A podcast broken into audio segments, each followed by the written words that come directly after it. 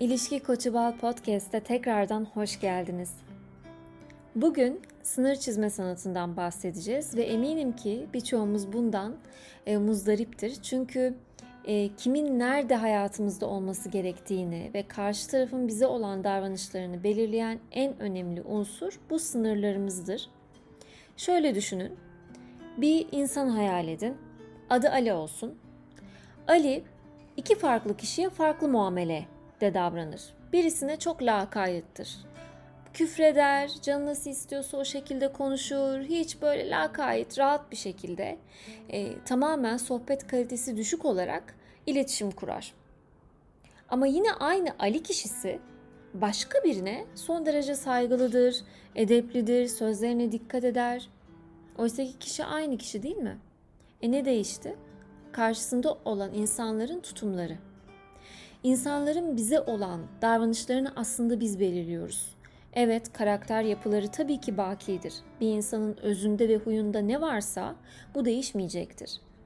Ancak davranış dediğimiz unsurlar nedir davranış? Saygı, e, lakaytlık, e, çok rahat davranma hali, e, usturuplu davranma hali, bir çekinmek, Bunların hepsi aslında bizim yaydığımız enerji ve bizim sunduğumuz tavırlar sonucunda doğan unsurlardır. Peki bir insana sınırını nasıl belli etmeliyiz? Öncelikle biz kendi içimizde bu sınırları netleştirmeliyiz. Çünkü direkt olaya ortasından başlarsak, aa hadi ben karşımdaki insana yerini ve haddini bildireyim dersek eğer, daha biz bu sınırları çizmeden bunu yaparsak, emin olun günün sonunda özür dileyen taraf biz oluruz.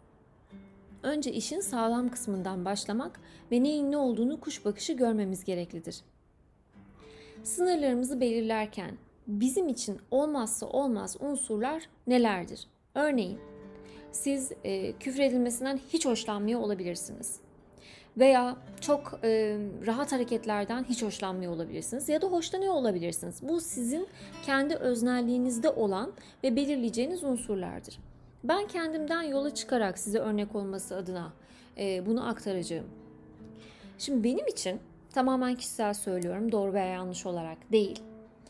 Rahat hareketler tahammül edemeyeceğim şeylerdir. Yani bu e, benim yeğenim de olsa, e, aileden çok yakın biri de olsa onun aşırı rahat tavrını gördüğümde hemen kendi içime dönerim ve ben niye ona bu rahatlığı verdim ki derim. Hatta bu küçük çocuklar için bile geçerli.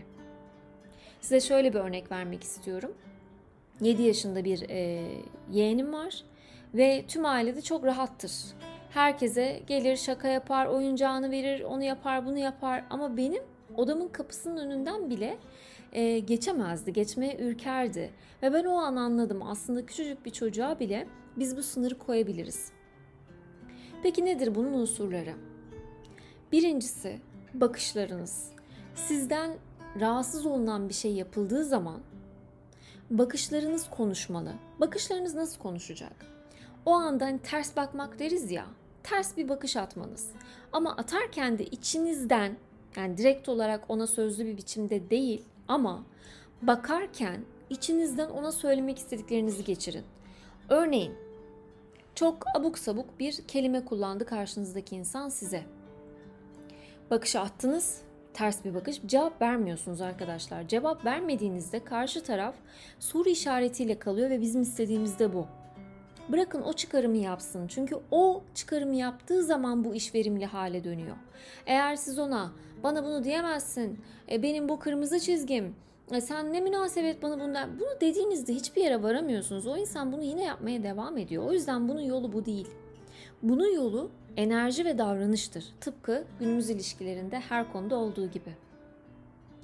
Ve burada benim size öner önerim o an bakışınızı atarken içinden geleni söyleyin. Yani örneğin ters bakışı attınız ve içine sen bana küfür edemezsin ya da sen benim yanımda küfür içeren herhangi bir cümle kullanamazsın lafını kendi içinizden söyleyin bakışı atarken. Bu ona enerji olarak e, gitmesini sağlayacaktır. Birincisi dediğim gibi gözler. İkincisi ters bir durum olduğu zaman akabinde hemen soğuyup iğrenmiş gibi davranmanız. Yani bir anda böyle ıy dercesine bir bakış yine. Ee, bir anda bir yüz ekşitme hareketi. Hani sen bunu mu yaptın gibi. Bu şekilde yine iğrenmeyle de belli edebilirsiniz.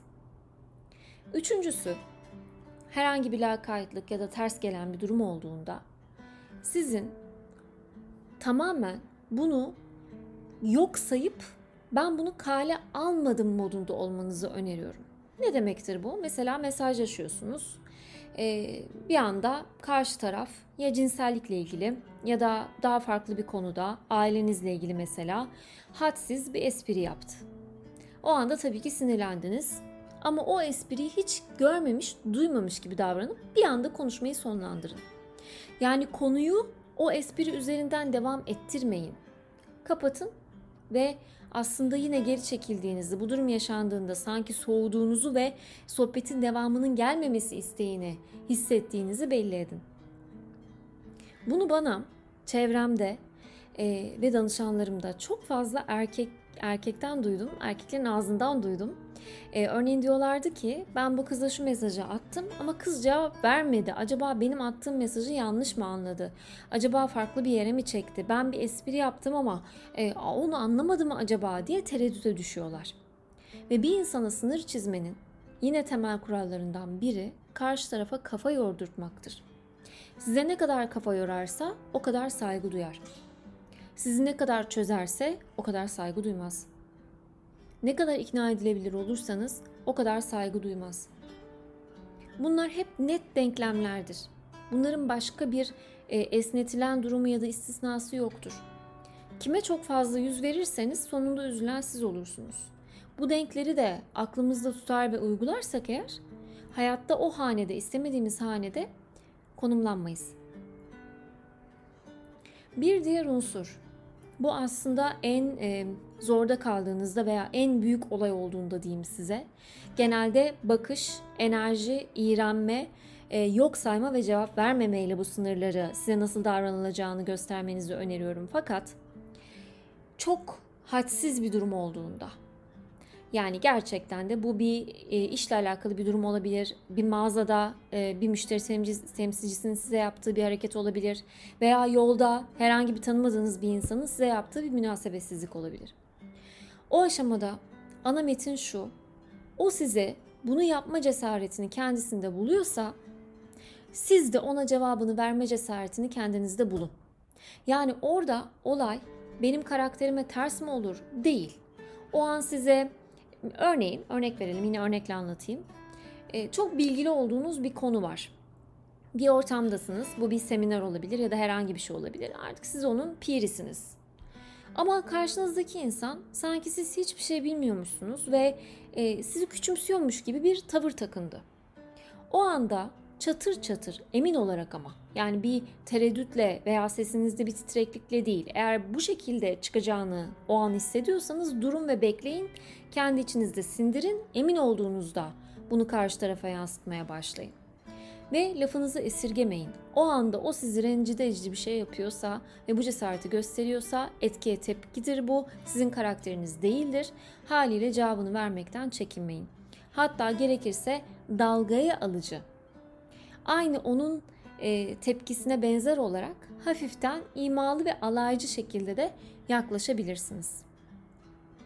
Ama tabii ki bu unsurların en en en önemlisi auramızdır. Biz kendimizi ne kadar değerli görürsek insanlar da bizi o kadar değerli görür. Enerji soyut bir kavram olduğu için çoğu insan anlamlandırmakta zorlanıyor ama aslında bu böyle. Aynı elbiseyi, aynı vücut ölçülerine sahip iki insanın giymesi aynı durur mu sizce?